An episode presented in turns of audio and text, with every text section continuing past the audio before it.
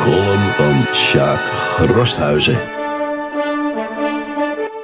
Natuurlijk vermoedde ik toen ik de afgelopen dinsdagavond bij het betreden van de Horense raadzaal de publieke tribunes bijna geheel gevuld aantrof.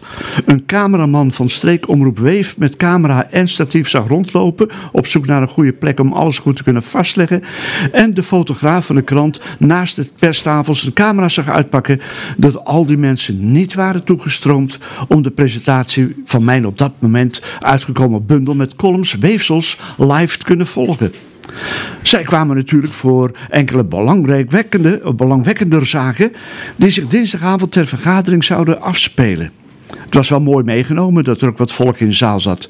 Het was mij grootmoedig toegestaan om Robert Vinkenborg, die het voorwoord voor de digitale bundel schreef, het enige geprinte exemplaar te overhandigen voordat het echte politieke spel zou aanvangen. Ik kende de agenda voor die avond wel en er stonden verschillende agendapunten te wachten op verlossende woorden. Zo meende ik dat het onderwerp over het terugdringen van tekorten op het sociaal domein van groot belang was. Een tekort van bijna 5 miljoen. Daarover zou menig burger van de stad onrustig van kunnen slapen. Dat moest toch zeker een uitpuilende raadzaal rechtvaardigen. Binnen de kortste keren werd duidelijk dat de toegestroomde puik van de bevolking voor heel andere zaken kwam. Er werd een nieuwe raadslid en commissielid ingezworen. En natuurlijk mag men verwachten dat trotse familieleden en vrienden daar graag even bij wilden zijn. Dirk Oud, de CDA-man die zijn zetel in Horen opgaf om het verre Limburgse gulpen uit een politiek slop te trekken, zou best ook wel enige partijleden aangelokt kunnen hebben. En bovendien kwamen er ook enkele burgers inspreken. Allereerst over de bomen op de Westerdijk, die op het punt staan te worden gekapt. Aan een bescheiden applausje ergens achter in de zaal mocht je afleiden dat een deel van de mensen was meegekomen om hun ongerustheid hierover uit te dragen. Voorts kwamen enkele mensen aan het woord wier verdraagzaamheid jegens arbeidsmigranten te veel op de proef werd eh, gesteld. Ook zij genoten de steun van buurt- en lotgenoten. Ik geef direct toe dat hardnekkige overlast ook een ernstige zaak is.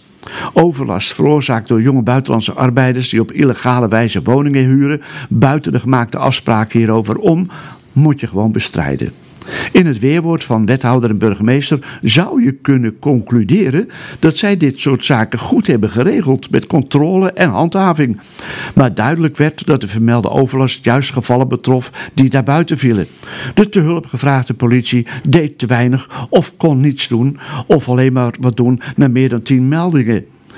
Uh, even kijken, dat is. Uh, Polkon voor populisten, zou René Assendelf zeggen. Ja, en de gekwelde bewoners konden naar huis in de wetenschap dat hun klacht eindelijk serieus genomen zou worden. Kennelijk is dit de beste manier om dergelijke zaken aan te pakken. Voor de echte agendapunten bleef gelukkig nog wat tijd over. Raadbreed werd nog even in stemming betuigd met de wens om bij grote projecten financiële risico's te ontlopen door vaker deelprojectplannen aan de raad voor te leggen. Dit klinkt geruststellend, maar ik ben ontzettend blij dat ik niet mede verantwoordelijk ben voor tegenslagen. En waar komen die in hemelsnaam altijd vandaan die zich gaan voordoen?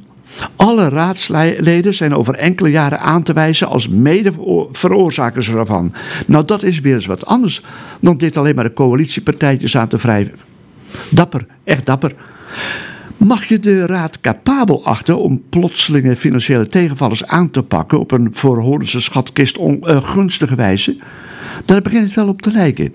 De het heikele punt van aanpaktekorten op het sociale domein wordt ferm kritisch en met verwachting dat het in de toekomst wel zou kunnen worden opgelost, in een breed gedragen amendement vastgelegd.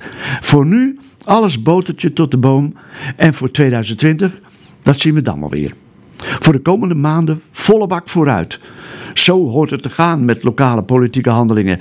En dit garandeert ook voor mij dat er de komende tijd nog genoeg stof zal blijven om er het ook eens over te hebben. Maar toch jammer dat het toegestroomde publiek toen al grotendeels naar huis was.